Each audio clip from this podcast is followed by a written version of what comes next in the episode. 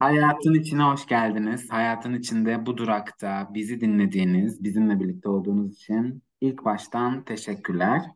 Biz diyorum çünkü yine çok sevdiğim bir konuk var. Ee, Semiha. Instagram'da onu yaptığı işlerle birlikte belki Semi Art olarak takip ediyor ve biliyor olabilirsiniz. Hoş geldin Semiha. Hoş bulduk Mert. Arkadaş kontenjanından ne demek? İyi ki kırmadın. Arkadaş kontenjanıyla sana burada böyle e, tüm kalbimi açıyorum bu bölümde. Teşekkür ederim. Sağ ol. çok e, çok klasik bir giriş olsun. Konulara daha sonra giriş yapıyor olacağız. Niye burada e, bugün birlikte buluştuk seninle? Onların girişini sonra yapıyor olacağım ama kısaca bizi dinleyenler Semiha kimdir? Birazcık bilsinler istediğim için kendinden biraz bahseder misin? Tabii ki bahsederim. Ee, Bursa'da yaşıyorum. Seramikle uğraşıyorum. Son dört yıldır bu şekilde e, seramik hayatımda. Ama ondan öncesinde e, özel sektör kölesiydim ben de. Birçoğumuz gibi. E, o kabuğumu kırarak tamamen işte farklı bir alana yöneldim. Bir taraftan okuyorum, bir taraftan atölye işletiyorum eşimle birlikte. Tek değilim bu yolda. Desteğim de var. E, ama baktığınızda geçmişe döndüğümüzde seramik dediğinde Semiha Aa, hiç alakası olmayan bir noktada diyebilir birçok insan. Ama aslında sanırım ben kendimi buldum bu yolda. Ee, böyle diyebilirim.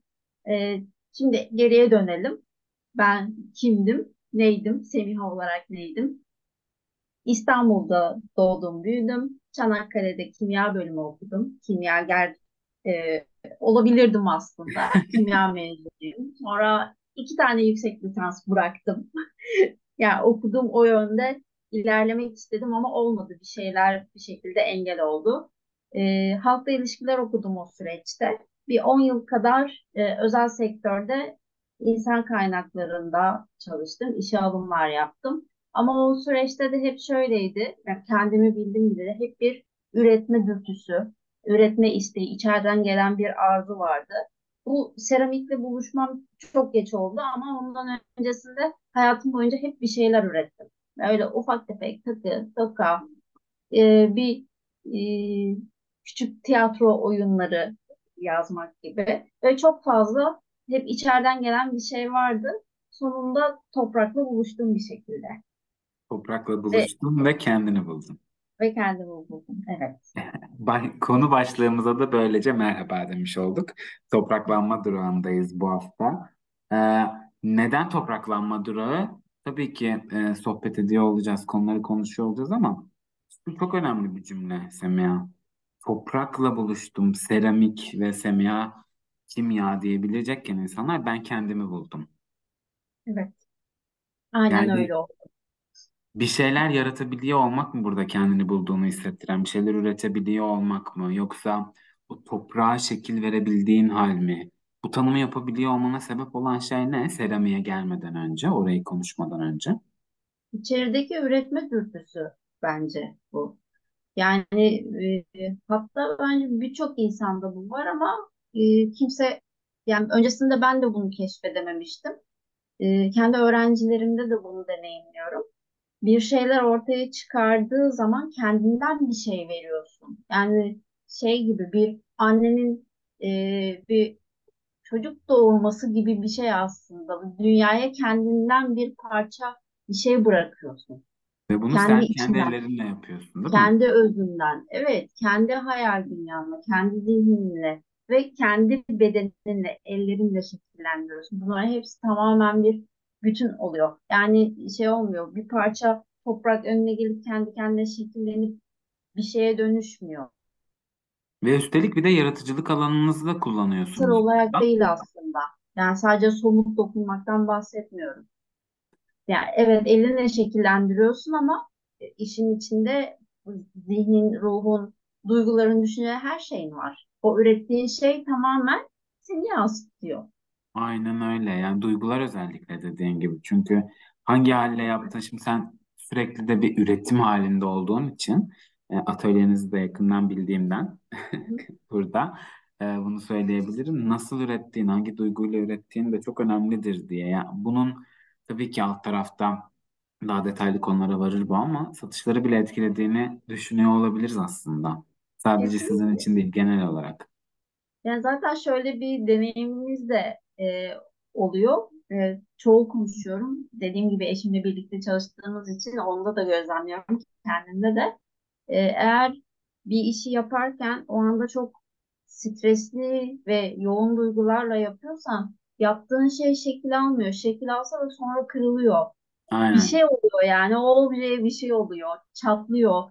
Yani sanıyorum bizim üzerimizdeki o elektriği alıyor toprak ve kendi içinde de tutamadığı için belki de o çatlama kırılma tepkisini gerçekleştiriyor. Peki o zaman artık seramik dünyasına iyice giriş yapalım. Seramik yani hiç bilmeyen biri için tam anlamıyla ne ifade ediyor? Nedir yani seramik? Biz sana geldiğimizde ne yapıyoruz? Semi Art'a geldik. Dedik ki artık sizdeyiz. Bize ne yapıyorsunuz? seramik dediğimiz şey pişmiş toprak, pişmiş e, obje. Şöyle elimizde bir parça çamurumuz var. Bu çamuru şekillendiriyoruz. Belirli ufak tefek kurallar çerçevesinde. Ee, çok ufak tefek ama. Yani aslında kuralsız da diyebilirsiniz. Dediğim gibi hayal dünyanıza bağlı. Şekillendirdik. Belli bir süre kuruma süreci oluyor. Komple kuruduktan sonra ortalama 1000 derecede bir fırına giriyor. Bir gün kadar, e, bir, bir buçuk gün kadar fırında bu pişiyor.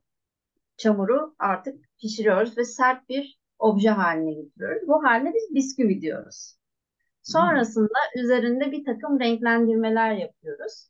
Ee, ve yüzeyine sır dediğimiz sürülebilir cam. Yani o içtiğimiz bardakların yüzeyinin böyle cam gibi olmasını sağlayan malzemenin ismi sır. Uygulamasını yapıp tekrar bir kez daha fırına giriyor. Ee, ve o süreçte yine bir, bir buçuk gün ortalama bin derecede fırında kalıyor. En son olarak bitmiş objemiz elimize geliyor. Ama bu sürecin tamamı bir obje için ortalama iki haftayı buluyor. Küçük bir obje ise aslında. Daha büyük bir heykel vesaire çalıştıysam e, zaten kuruma süreci çok daha uzun oluyor.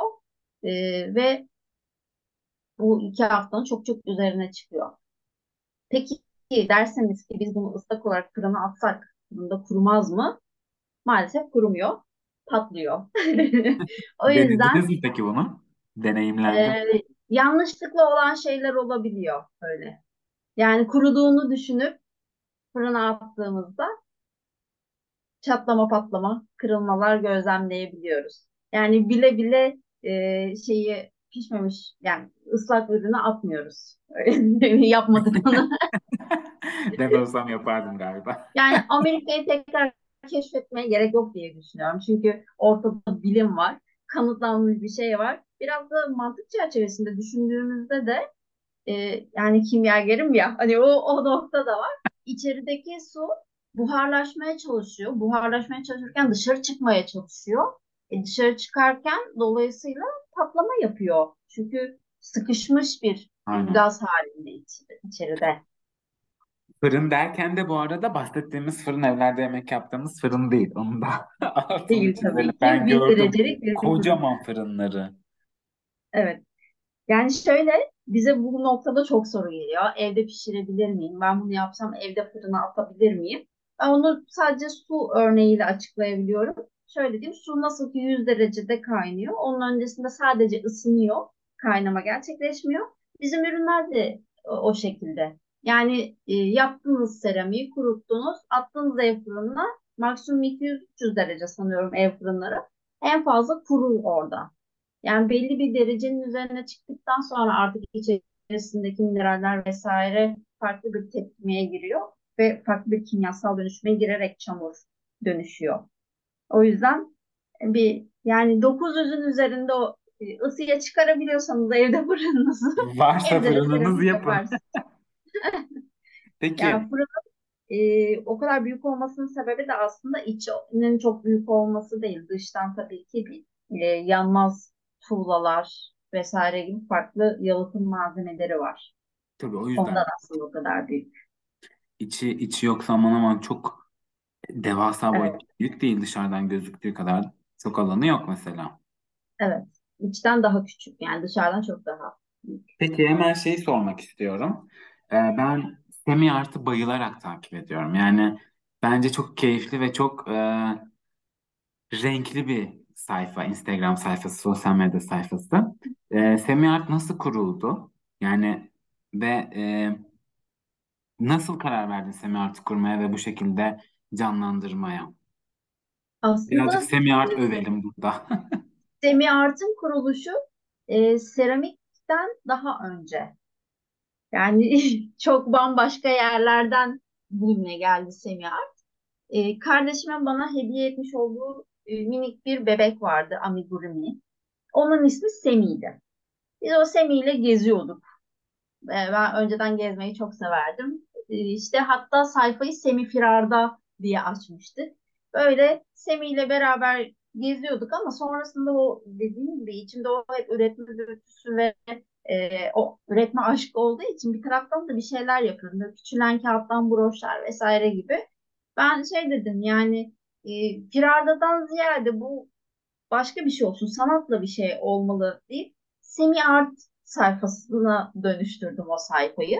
Sayfa Instagram sayfamızın ve markanın isim ismin oluşumu bu şekilde ama seramiğe girişimiz çok daha farklı bir noktada. Ee, hemen oraya geleyim. Bir gün eşimle İznik'te dolaşırken bir kadın gördüm. Böyle oturmuş atölyesinin önünde çayını kahvesini içiyor. Keyifli, o mis gibi her yerde kuşlar ötüşüyor, ağaçlar. Öyle baktığımda herkesin hayal ettiği, herkesin benim en azından hayal ettiğim bir dünya yaşıyor. Ah dedim bak işte hayatını yaşıyor işte. Bu dünyaya biz dört duvar arasında bilgisayara bakarak bütün günü geçirerek e, yani yaşamımızı böyle bitirmemeliyiz. Bu kadın yaşıyor işte dedim. Yani hayat onun arkasında ürettiği ürünler ve e, önünde yaptığı eseri boyuyor. Eşim o an şey dedi, biz de yapsak mı böyle bir şey ister misin dedi. Tabii ki dedim isterim. Yani ben hayatım boyunca böyle üreteceğim bir yerim olsun, bir işim olsun, böyle bir alanda bulunayım istedim. Ama imkanlar doğrultusunda e, hedefime bir 4-5 yıl daha vardı. Yani bir aslında bir çizelgen vardı kendi e, kafamda ama o araya böyle evlilikte sıkışınca bir parti hayatıma girince bir olay hızlanmış oldu. Onun desteğiyle oldu. Teşekkür ediyorum buradan kendisine. E, bana orada bu atölyeyi açalım mı, yapalım mı dediğinde tabii ki işin içine farklı noktalar da giriyordu. Birimizin işi bırakması gerekiyordu.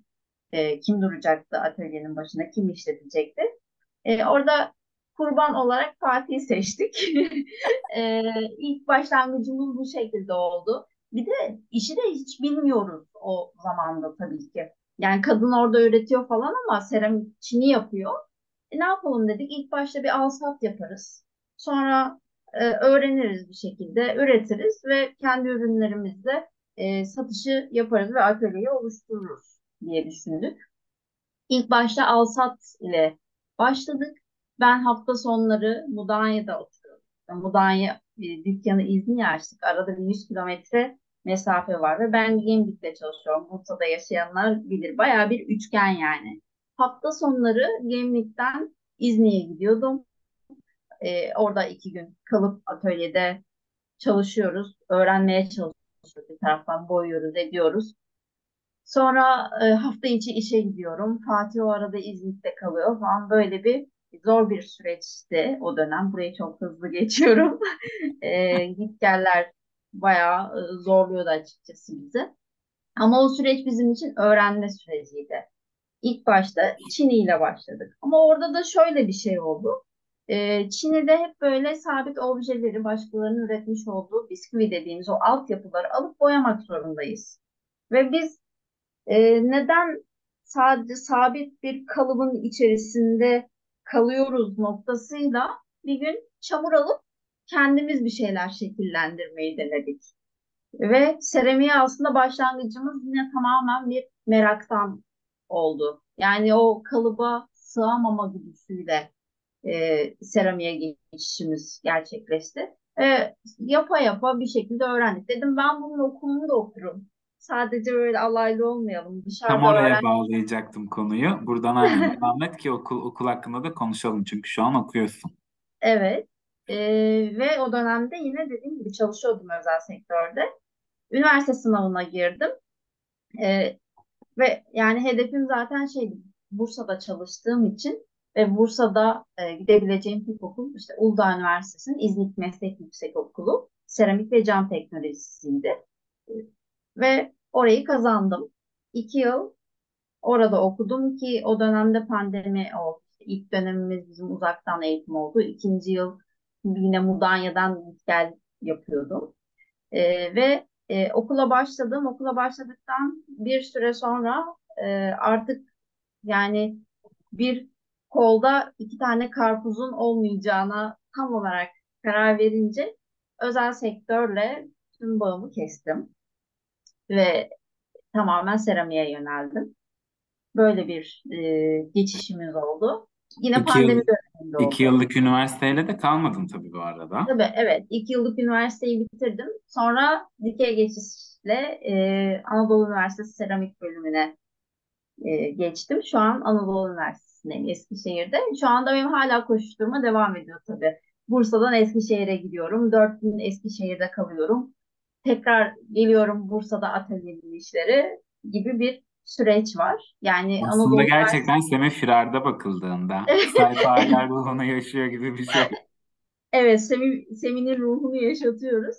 Ee, Anadolu Üniversitesi deyince herkes böyle bir açık öğretim falan diyor ama uygulamalı bir dal olduğu için seramik bölümü kesinlikle e, uzaktan gibi bir şansımız yok. Ki Gidiyoruz ve bence geliyoruz çok daha iyi tabii ki. Okul bir nimet yani. Anadolu Üniversitesi özellikle çok çok iyi. Seramik bölümü okumak isteyenlere tavsiye.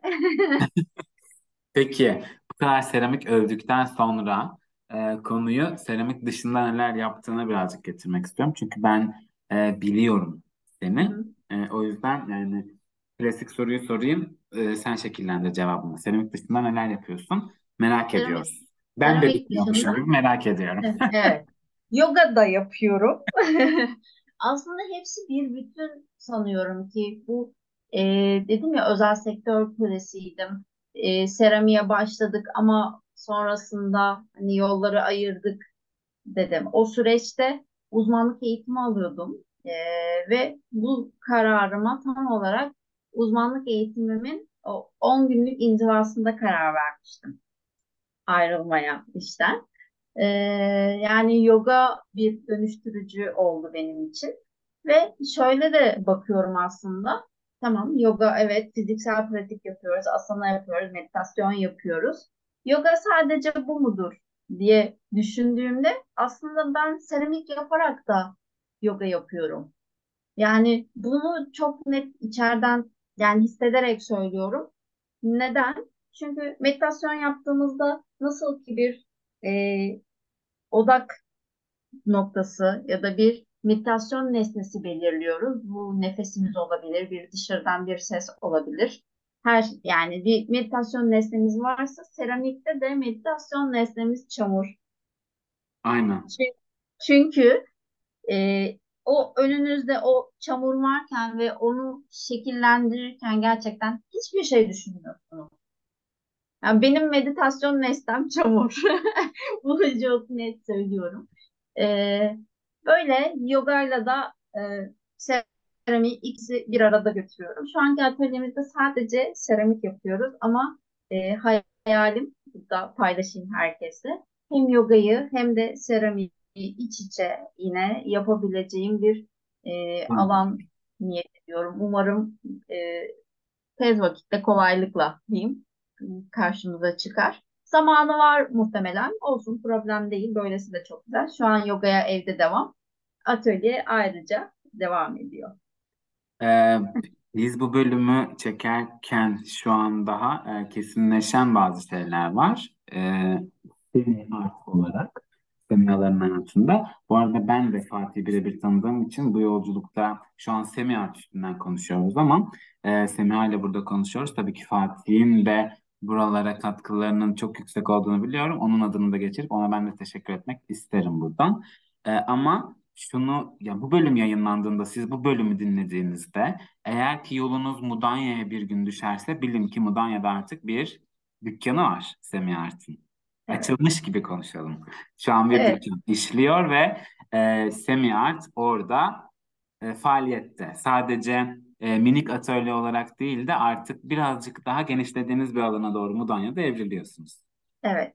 Mudanya'da eski e, evlerin olduğu Mütarekli Mahallesi'nde. Yani Mudanya'ya gelip de herkesin uğradığı sokakta. Sokakta.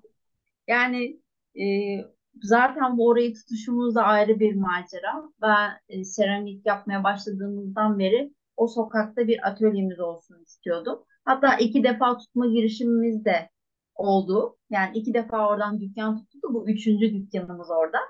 E, yani ilki ilkiyle alakalı e, çok yorum yapmak istemiyorum. Böyle devletle alakalı sıkıntıları vardı binanın. Bir 6 ay sadece sözleşmede kalabildik orada ama faaliyete geçiremedik.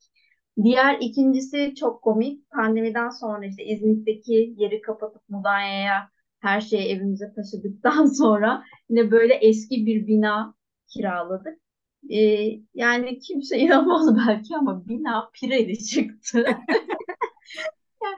Yani böyle bir evrenin bir mesajıydı bence yani artık yani kabul ediyoruz yani yapacak bir şey yok. Niye vah vah demiyoruz yani niye öyle oldu niye böyle demiyoruz ama yani biraz mücadelemizi de ediyoruz tabii ki. Yani bina, bina pireli çıktı diye hadi sözleşmeyi feshedelim olmadı tabii ki. Kaç defa ilaçlandı, çözüm yoluna gidilmeye çalışıldı ama maalesef çözülecek gibi değildi. Eski bina olduğu için binanın tavanında bir kocaman bir e, şey varmış, delik diyeyim, yarık. Orada kediler, güvercinler, hayvanlar sürekli girip çıkıp orada yavru vesaire yapıyorlarmış. Tavanın komple değişmesi gerekiyormuş. Ama orada da eski bina olduğu için bu mübadele zamanından kalan yani yüz küsür yıllık binalar e, çok fazla işlem yapılmasına izin verilmiyor.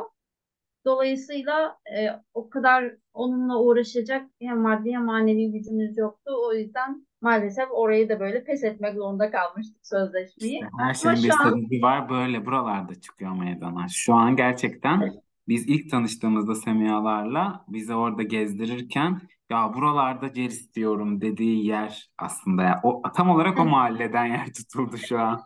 evet evet yani dediğim işte zamanı varmış herhalde. E, zamanı da bu zamanmış. Yani şöyle söyleyeyim.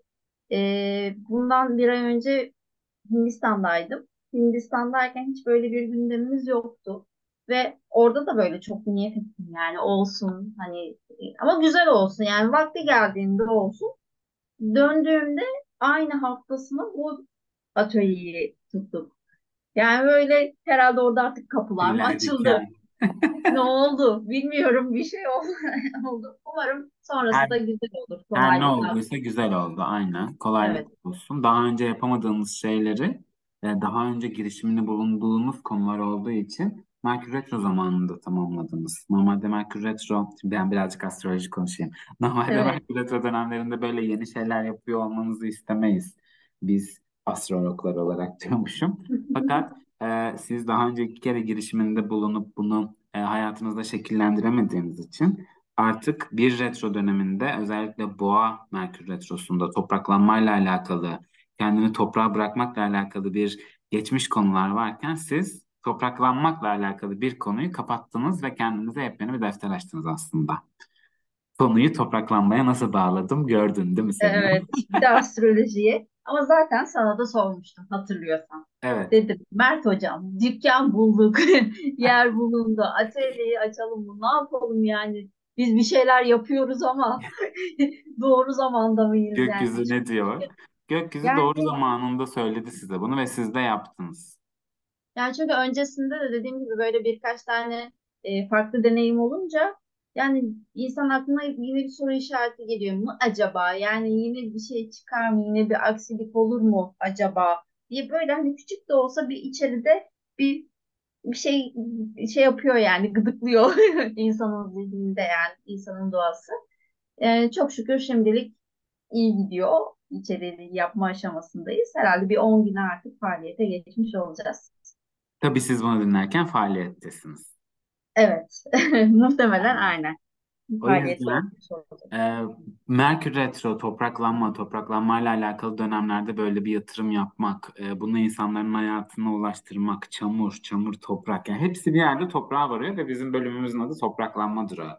Topraklanmak ne demek peki? Sen ne hissediyorsun topraklanma dediğimizde? Yani topraklanma Semiha için ya da Semih için nedir? Özüne dönmek, dışarıdaki e, tüm enerjilerden azade olup özüne dönmek. Çünkü topraktan geldik ve oraya gideceğiz neticede. Ve e, toprakla çalıştığımızda da aslında o hissiyatla yani dışarıdaki her şeyi, dünyevi olan dünyadaki her şeyi dışarıda bırakarak o anda kalıyoruz. Yaptığımız her işe manevi bir anlam katıyor olmak ve oradan bir alan buluyor olmak beni çok huzurlu hissettiriyor.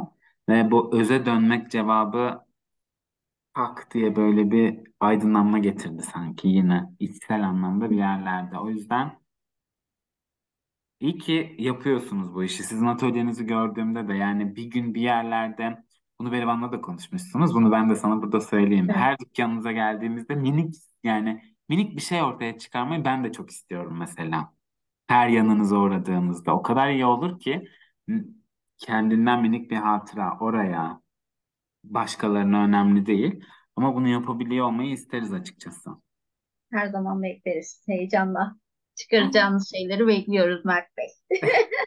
Bölümü Bakalım, yavaş yavaş bakalım senin içinden ne çıkacak?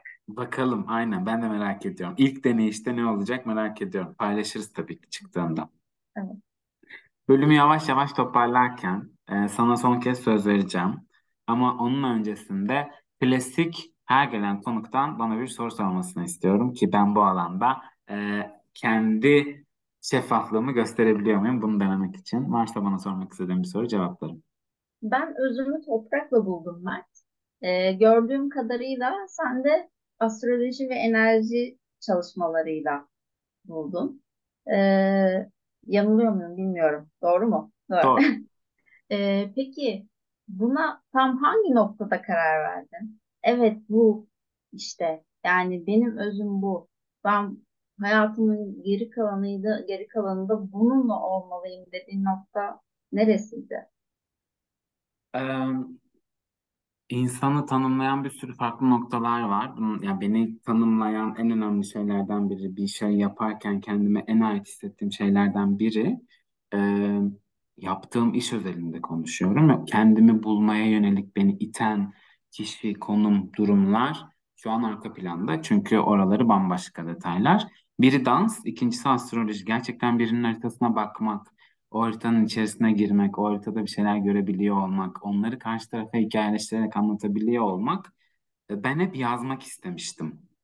Küçüklüğümde e, öncelikle psikolog olmayı çok istiyordum. Ardından da kitaplar yazmayı ve bu kitaplarım hep böyle küçük hayaller kurardım. İşte Diyanar'dan kitap alırken falan. Ay ben de bir gün buralarda kitaplarım olacak mı falan diye. E, yazmanın hikayeleştirmek olduğunu bildiğim için astroloji bana bunu sunuyor. İnsanlara bir şeyi hikayeleştirerek anlatabiliyorum. E, fakat kendimi bulduğumu artık tamamen buralara evrilmek istediğim dediğim alan ee, kesinlikle benim de e, temel yoga uzmanlığım 9 günlük inzivasında oldu. Ee, o aydınlanma orada geldi bana da. Artık evet sadece bu işlerle uğraşmak istiyorum dediğim alan benim için de orasıydı. Sen az önce söylerken burada bir tebessüm ettim. O tebessümün sebebi buydu. Çünkü kendimi aradığım noktaların içerisinde evet astroloji, dans, enerji çalışmaları, mantralar bana çok iyi geldi. Ve bunu da artık insanlara e, bıkmadan anlatmak istediğim bir noktadayım ben de. Teşekkür ederim cevap için. Ben teşekkür ederim böyle bir soru için. Her hafta herkes bambaşka sorular soruyor. Ben de bambaşka şekilde cevaplar veriyorum. Enteresan. Yani bu soru cevap olayını sevdim. Ee, teşekkür ederim geldiğin için Semiha. Sen de böyle bir alan açtığın için ben Çok teşekkür ederim. Çok kıymetli. Ee, birilerinin hikayelerini başka birilerine ulaştırmak için bir yol açman, başkalarının hikayelerini dinleyenler için de büyük bir ilham. Ee, ve böyle bir alan tuttuğun için teşekkür ederim Mert. Ne demek? Umarım e, ulaşması gereken herkese ulaşır. Varsa son sözlerin söylemek istediğin dinleyenlere bize alayım. Sonra ben de ufak ufak kapatayım. Son sözüm içinizden ne geliyorsa o şekilde yaşayın. İçeriden gelen şey her zaman doğrudur. Dedi Semiha ve bence doğru söyledi. Geldiğin için çok teşekkür ederim. Ee, iyi ki bu bölümü seninle birlikte kaydettik. Umarım bir gün başka bir şekilde, başka bir yerlerde tekrar birlikte bir şeyler yapıyor oluruz. Geleceksin seramik yapacağız. Evet. Dinleyenlere de çok teşekkür ederim. Hayatın içinde, bu durakta bizimle birlikte olduğunuz için, dinlendiğiniz bu durakta soluklanırken bize de yer verdiğiniz için teşekkür ederiz. Bir sonraki bölümde görüşmek üzere. Kendinize iyi bakın.